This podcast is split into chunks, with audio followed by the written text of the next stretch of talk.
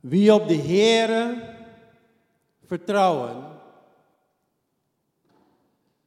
zijn als de berg Sion, die niet wankelt, maar voor eeuwig blijft. Rondom Jeruzalem zijn bergen.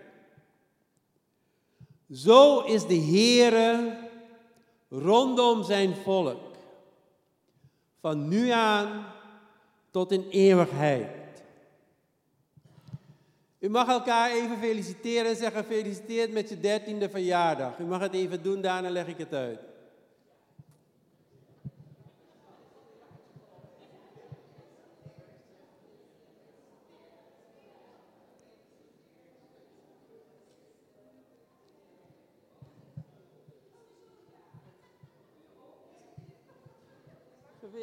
Gefeliciteerd.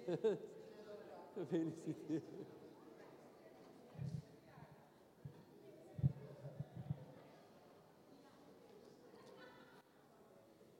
Luistert u.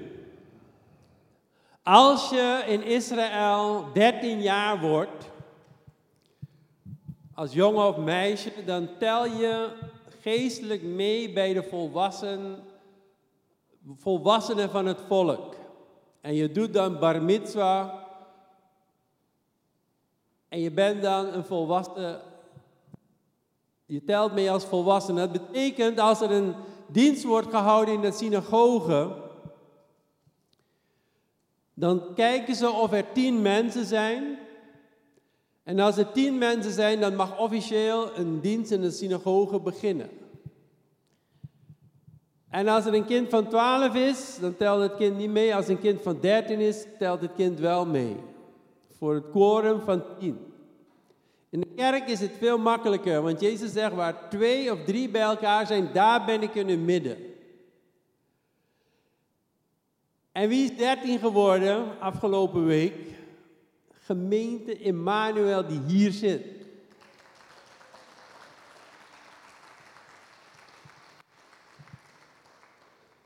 Dus tot de 26 september waren we Chimboy. En vanaf 26, zijn, 26 september zijn we een grote gemeente. Een grote gemeente. We tellen mee. Broeder Ernie, u komt net uit Suriname. Kunt u in Suriname ook aan de mensen zeggen, Emmanuel gemeente in Den Haag telt mee, want ze zijn al 13. Yes? Amen. Prijs de Heer. Ik ga het een beetje brengen op een bepaalde manier, maar stoort u zich er niet aan. U weet wat loeren betekent, toch? Het Surinaams loeren. Loeren betekent, ik kijk, ik kijk wat er met je gebeurt, ik kijk wat je gaat doen. Wel, mensen loerden naar onze gemeente en ze keken van wat gaat met deze gemeente gebeuren. En wat ik in de wandelgangen hoorde vanaf eigenlijk dag 1, met de loop zeker van de beginjaren hoorde ik, een gemeente die zie ik dit. Deze gemeente gaat het niet redden. Op een of andere manier gaat het niet redden. En mensen loerden ons om te kijken wat met ons als gemeente zou gebeuren. Ik geef even drie reacties vanuit de dienst van vorige week. En dan ga ik naar die Psalm 125, want vandaag wil ik afsluiten met de reeks over bergen. En vanuit de reactie van vorige week, ik had u het voorbeeld gegeven van het koppel in Spanje dat hun slaapkamer zo heeft gebouwd dat ze naar de bergen kijken. En mijn vrouw kreeg een appje binnen via via en ze zegt, we kijken nog steeds naar die bergen en we vertrouwen nog steeds op God. Dat was de eerste reactie. De tweede reactie was van iemand die nog nooit hier was geweest.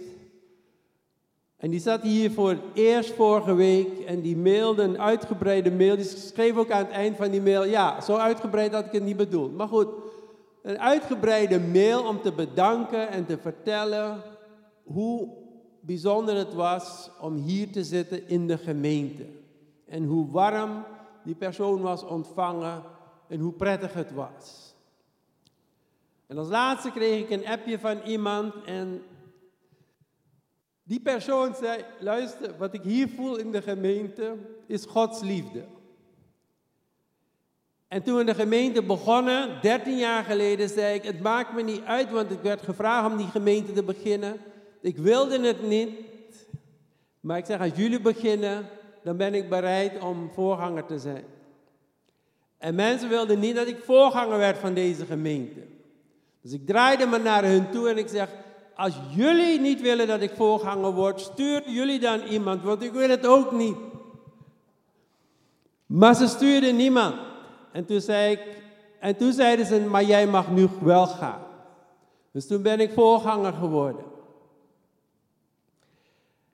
En als je voorganger wordt en een gemeente mag stichten, is het wel heel bijzonder. Want meestal als je voorganger wordt, is die gemeente er al lang. En jij bent maar een van de zogenaamde voorbijgangers. Een voorganger is een voorbijganger, ook ik. Op een dag komt u hier, zegt hij, waar is Rens? En Rens is voorbij gegaan. Waar naartoe weet niemand, maar goed, Rens is voorbij gegaan. Dus een voorganger is een voorbijganger. Maar ik mocht een gemeente stichten en het was heel kostbaar. Er zitten een aantal mensen die met mij de gemeente hebben gesticht hier in de, in de zaal. En het was kostbaar en het was uitdagend. En we hebben het met gebed gedaan en de Heer heeft ons tot hiertoe geholpen. En ik dacht, hoe kan ik de gemeente vestigen? Ik denk, ik kan het vestigen op worship. Ik heb dat niet gedaan. Ik kan het vestigen op Bijbelstudie. Ik heb het niet gedaan. Ik kan het vestigen op een bidstandgroep. Ik heb het niet gedaan. Ik kan het vestigen op een geweldige organisatie. Heb ik niet gedaan. Ik noem het even, heb ik niet gedaan, maar het was allemaal in overleg met elkaar. Ik kan het vestigen op een grote outreach. Hebben we niet gedaan. Er was één ding dat op mijn hart zat. En in mijn hart zat. Ik zeg, wat, wat moet ik hier doen in de gemeente? Wat moet ik doen om een gemeente te starten? En toen heb ik eigenlijk vanaf het begin gezegd, er is maar één ding dat belangrijk is hier.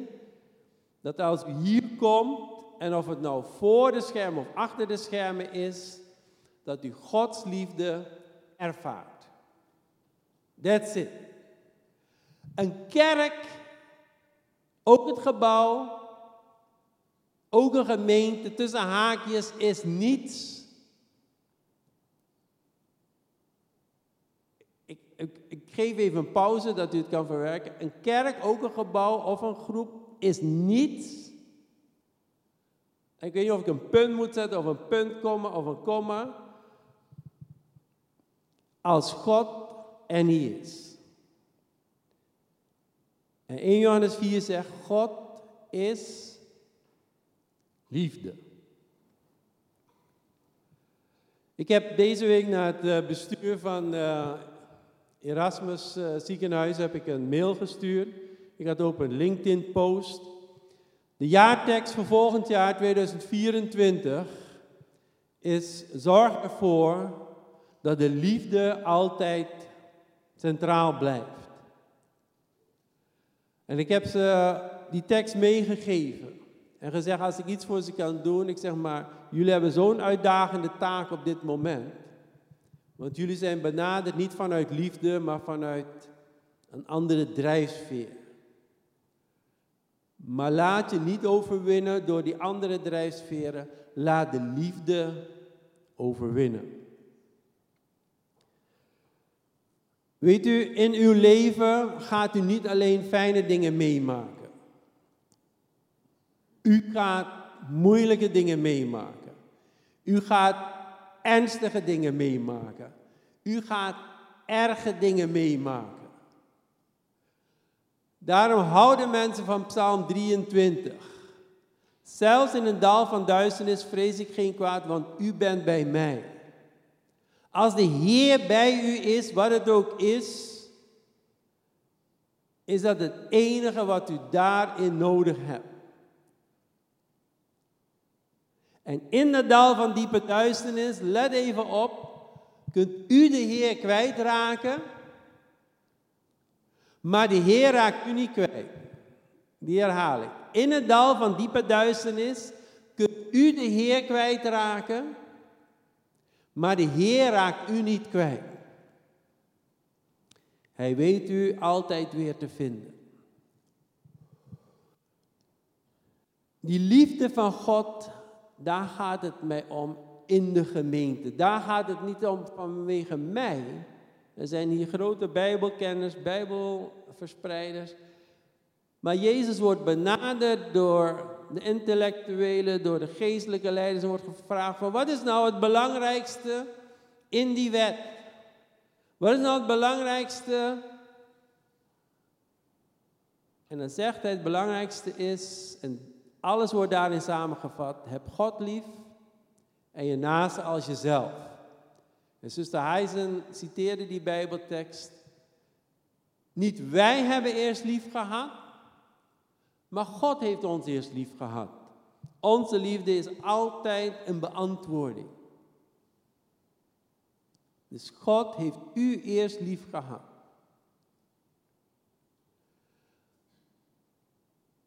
En Johannes die schrijft over Jezus. Het is het laatste evangelie dat is geschreven, evangelie van Johannes. Die schrijft, en dat vind ik, dat is een van de meest aparte momenten eigenlijk die beschrijft eigenlijk de kruisiging van Jezus. Wat de omstanders, ook de religieuze leiders, ook degenen die hem kruisigden, vonden. Zo, het is nu met jou gedaan. Jij bent nu gekruisigd, jij gaat nu dood, je bent nu dood. Het is nu met jou gedaan, over en uit.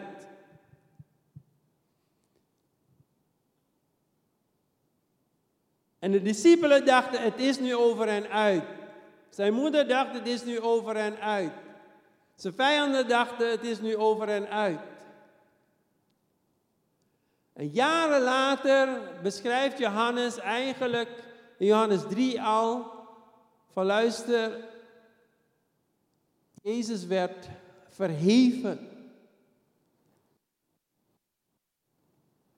Als jij kruisiging kan omschrijven met het woord verheven, dan is er iets in jou gebeurd. En hij zegt, ga nog veel verder. Hij zegt, wat daar aan het kruis gebeurde, wat een Romein niet mocht ondergaan, alleen een terrorist in de ogen van de Romeinen. Wat daar gebeurde, zegt Johannes, is dat God zijn liefde heeft laten zien aan de wereld. Want al zo lief heeft God de wereld gehad, dat Hij zijn enige geboren zoon gegeven heeft, opdat een ieder die in Hem gelooft niet verloren gaat, maar eeuwig leven hebben. En sommige mensen denken dat is lengte van dagen, maar Johannes 17 zegt, dit is het eeuwig leven dat zij u kennen. Dus het moment dat dat er is in uw leven, gaat u over naar het eeuwig leven. En bij de bidstond vanochtend, zuster Kamla was fantastisch. Zuster is strijdbaar, krachtig. En ze bad, Heer, mijn lichaam wil soms niet, doet soms pijn. Maar mijn geest blijft sterk in de Heer.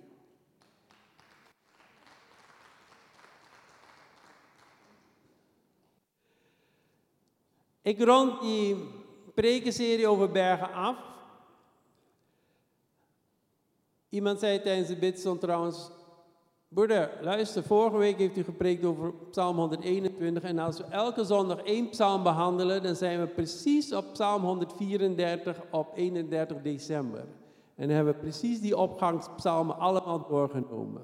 Ik weet niet of je daaraan ga houden, Cynthia, maar wie op de Heer vertrouwen zijn als de berg Sion, die niet wankelt, maar voor eeuwig blijft.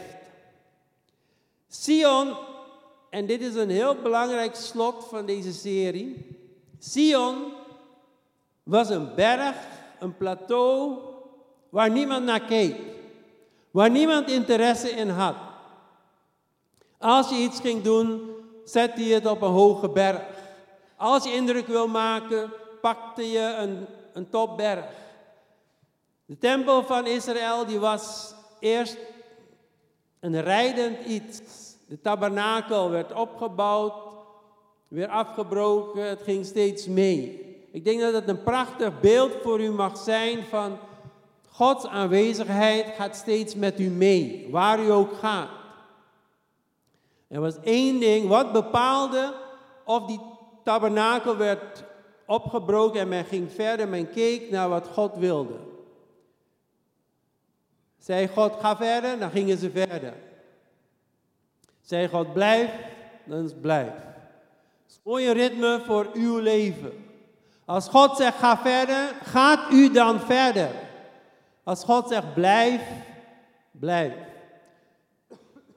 En even technisch iets, als de Heer zegt, doe een stapje achteruit, doe rustig een stapje achteruit. Dat is helemaal niet erg. Ik kan nog verder gaan, maar dat is niet de essentie voor vandaag.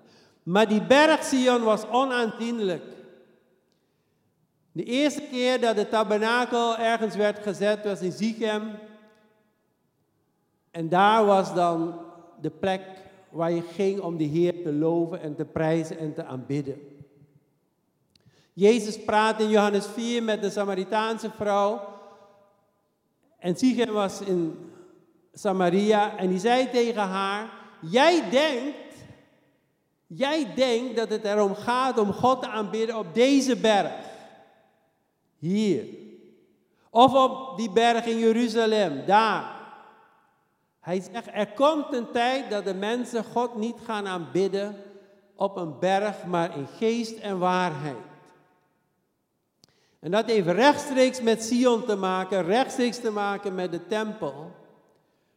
Bij de Bijbelstudie deze maandag, broeder Robert, u weet het nog, hadden we het over wat er gebeurde met die tempel. In Matthäus 25 komen de discipelen naar de Heer Jezus. En let op, dit zijn de opgangspsalmen. 120 tot en met 134. Israël moest drie keer per jaar naar de tempel gaan. Dat was het heiligdom. Waar je ook woonde, probeer naar die tempel te gaan. En als je dan van Rome kwam, of van Griekenland, of van Syrië, of van waar dan ook, of van Egypte, dan ging je met z'n allen, ging je die tempelberg op en je zong die psalmen, 100, die 15 psalmen met elkaar. En in feest gedrongen ging je daar naartoe en het was schitterend en het was een wereldsamenleving die bij elkaar kwam en het was indrukwekkend en het was ja, gewoon fantastisch.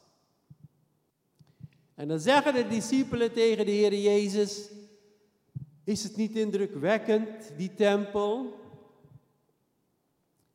En dan zegt Jezus,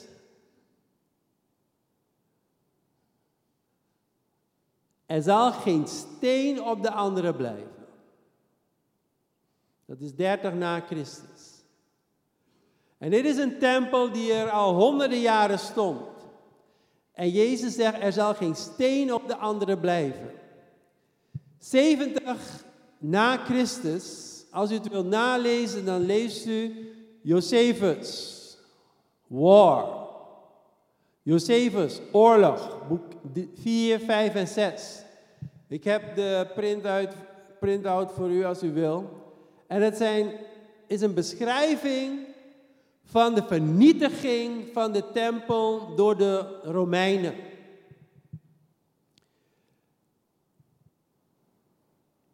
En de veldheer die daar stond, Titus, die zegt op een gegeven moment, steek de brand erin. Maar hij wilde eigenlijk alleen dat men het verzet opgaf en dat hij die tempel kon toe-eigenen. Maar de razernij van de soldaten ging zo ver dat ze alles hebben vernietigd. En die generaal kon zijn troepen niet eens tegenhouden om alles te vernietigen. Hoewel hij probeerde om echt de tempel, dus niet alleen het complex, om te bewaren. En geen steen bleef op de ander. Zoek maar eens een steen van toen. En wat moet je dan met Psalm 125? Wie op de Heere vertrouwen zijn als de berg Sion die niet wankelt, maar voor eeuwig blijft. Zelfs uw bergen kunnen wankelen. Zelfs de berg Sion kan wankelen. Zelfs uw eigen geloofsleven kan wankelen. Of u nou geroepen bent of niet, uw roeping kan wankelen. Maar als je op de Heer vertrouwt, dan heb je geen berg in Samaria nodig. Dan heb je geen berg in Jeruzalem nodig. Want de Heer is jouw berg.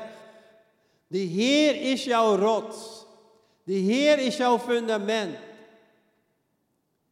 En sommige mensen snappen dit misschien niet, maar het is een prachtige tekst in Jesaja 40. En ik, ik hou hiervan. Jonge mensen worden moe. Jonge mensen worden mat. Maar wie hoopt op de Heer, die stijgt op als een adelaar. En u weet hoe een adelaar opstijgt. Die stijgt niet op door te bewegen.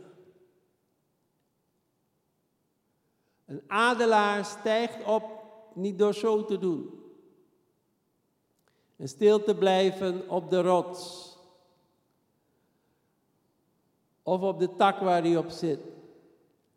Een adelaar stijgt op door te springen, zijn vleugels uit te spreiden en een thermiek te zoeken en dan rustig te blijven hangen. En een thermiek is warme lucht en die doet die adelaar opstijgen. Weet u, soms is het heel moeilijk voor ons. En dan komen we eigenlijk aan, ik vind, aan de toppen van ons kunnen. Ik heb deze week een mail naar iemand gestuurd. En die, die was echt aan de toppen van het kunnen, is met pensioen. En toen heb ik gezegd, let op, God brengt u nog hoger. Want u kunt op de top van de berg zijn en denken, menselijkerwijs ga ik niet hoger kunnen. Ik heb de Mount Everest beklommen, ik heb de Mont Blanc beklommen, of de Matterhorn, of weet ik veel welke berg. Of eentje in Limburg, laat maar. U heeft hem beklommen, u bent trots. Maar de Heer zegt, wacht en wees stil. En spreid je vleugels. Want wat je nu gaat meemaken, is veel groter, is veel meer dan die 15 treden omhoog. Die 15 psalmen op naar de tempel. Opgaan naar die berg. Wat ik je nu ga laten meemaken, is ik neem je mee. En ik laat je op een nieuwe manier de wereld zien. Het is heel apart en treffend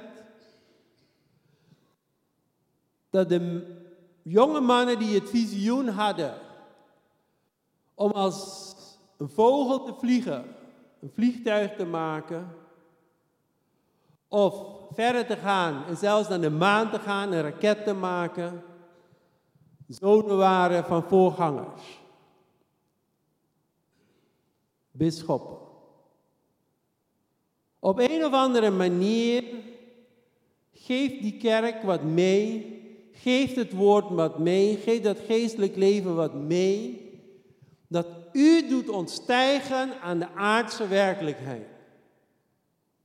En dat is ook niet vreemd, want dat is essentie van kerk zijn. Dat is essentie van christen zijn. Dat is essentie van met de Heer bezig zijn.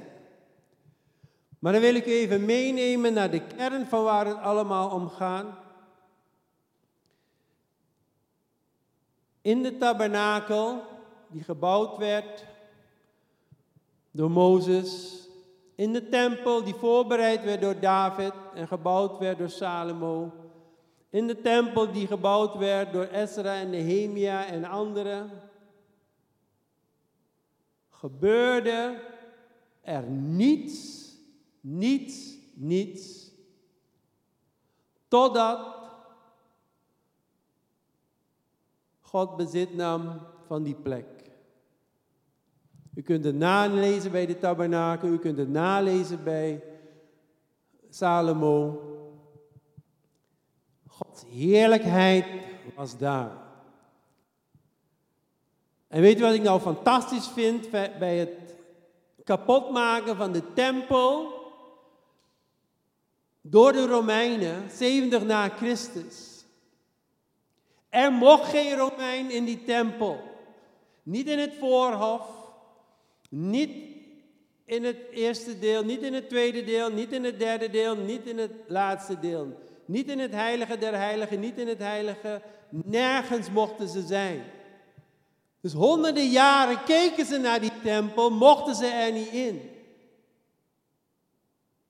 En uiteindelijk hadden ze het veroverd en vernietigd. En wat doen ze? Ze gaan naar het heilige der heiligen, waar maar één keer per jaar één persoon in mocht, de hoge priester. En weet u wat ze zeiden? In hun rapportage naar de mensen toe. Joden zijn atheïsten. Joden zijn mensen, atheos, zonder God. Die geen God hebben, geen goden hebben, geen God. Want zij verwachten, of ze nou, welk volk ze nou veroverden, in de tempels waar ze gingen, en ook in hun eigen tempels in Rome, of waar ze ook waren, stonden goden afgebeeld. Griekse, Romeinse, Egyptische, allerlei soorten goden werden afgebeeld. Maar in het heilige der heiligen stond geen beeld van God overeenkomstig het eerste gebod. Maak geen beeld van God. En waarom is dat? Omdat u mag God niet in uw beeld maken, want u bent in het beeld van God gemaakt. En elk beeld van God dat u maakt, doet geen recht aan God. Elk beeld van God dat u maakt, doet geen recht aan God. Maar God heeft u gemaakt naar zijn beeld, Genesis 1. En wat is dan uw taak? Uw taak is als de arend te zijn en te zeggen, Heer, u heeft mij gemaakt. Ik sta hier aan de top van de berg, aan de top van mijn berg. Maar als u zegt, spring en spreid je vleugels uit. U weet beter dan mij wat ik moet doen, wat ik kan doen en wie ik ben. Dan zal ik dat doen. Weet je, als een kuikentje arend bent,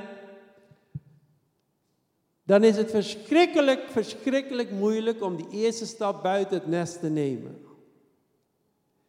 Die eerste stap buiten het nest nemen is het meest gevaarlijke voor een kleine arend. Als hij te vroeg gaat, is hij niet sterk genoeg om te vliegen. Als hij te laat gaat, mist hij zijn hele leven. Als hij niet gaat, is de essentie van de arend verloren. Maar als een klein kuikentje eruit gaat, is vader of moeder arend altijd aanwezig om als het niet gaat op te vangen.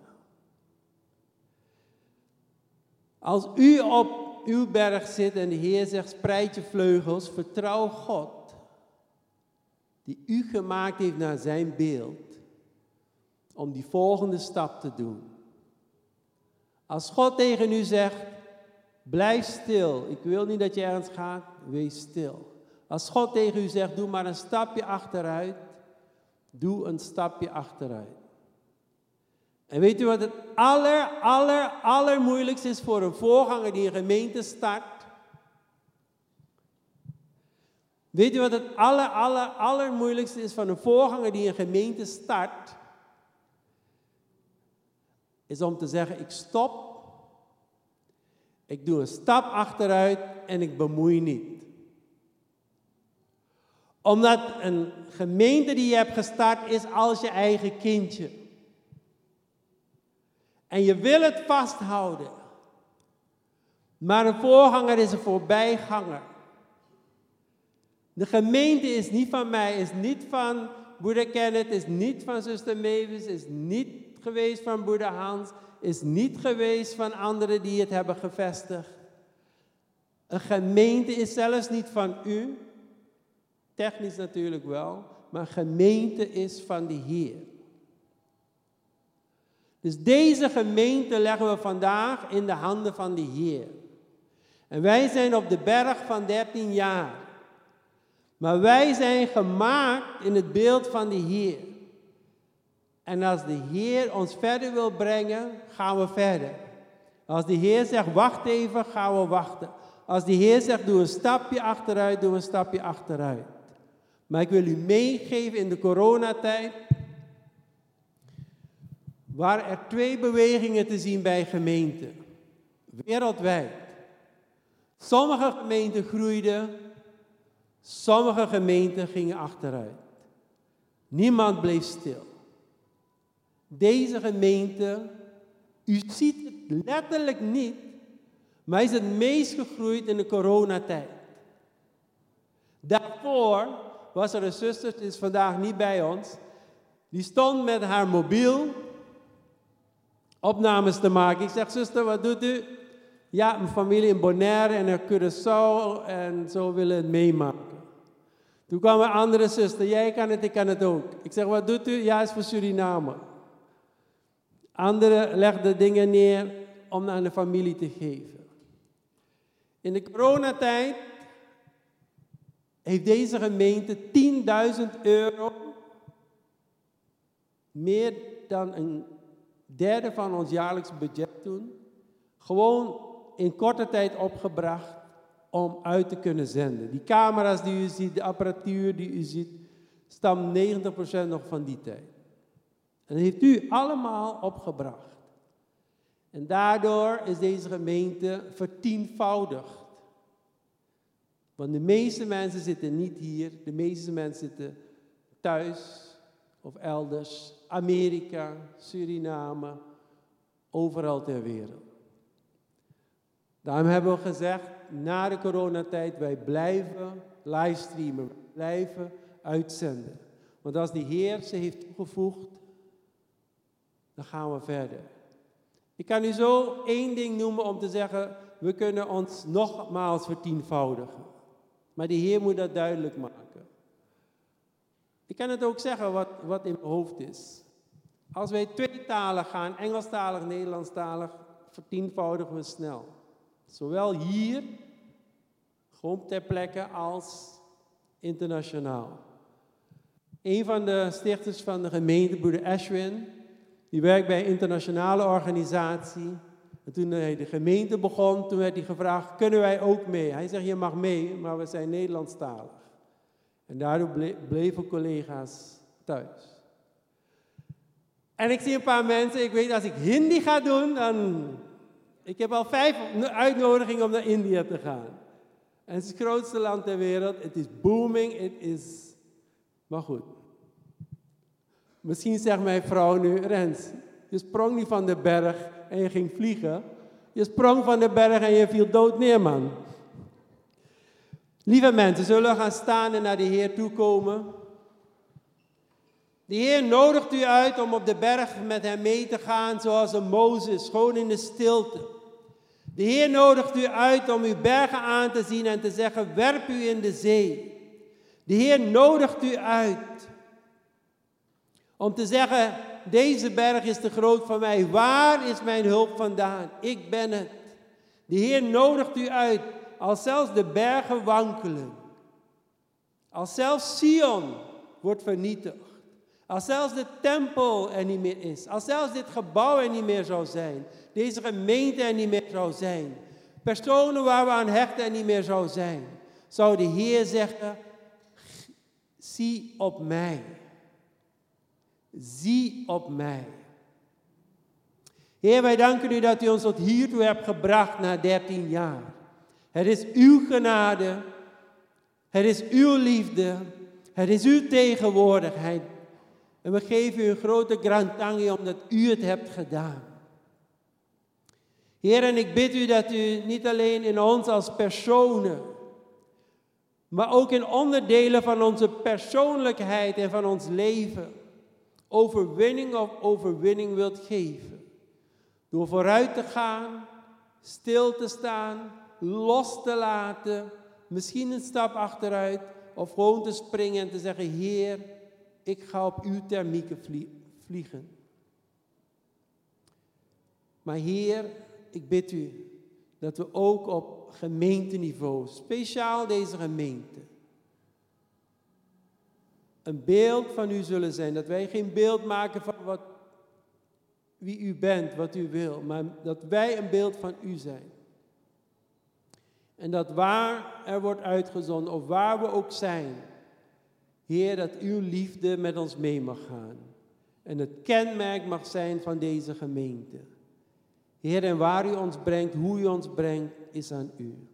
Gaat u uw gang, Heer, het komende jaar en de komende jaren met deze gemeente. Want al wankelende bergen, u wankelt niet. In Jezus' naam. Amen.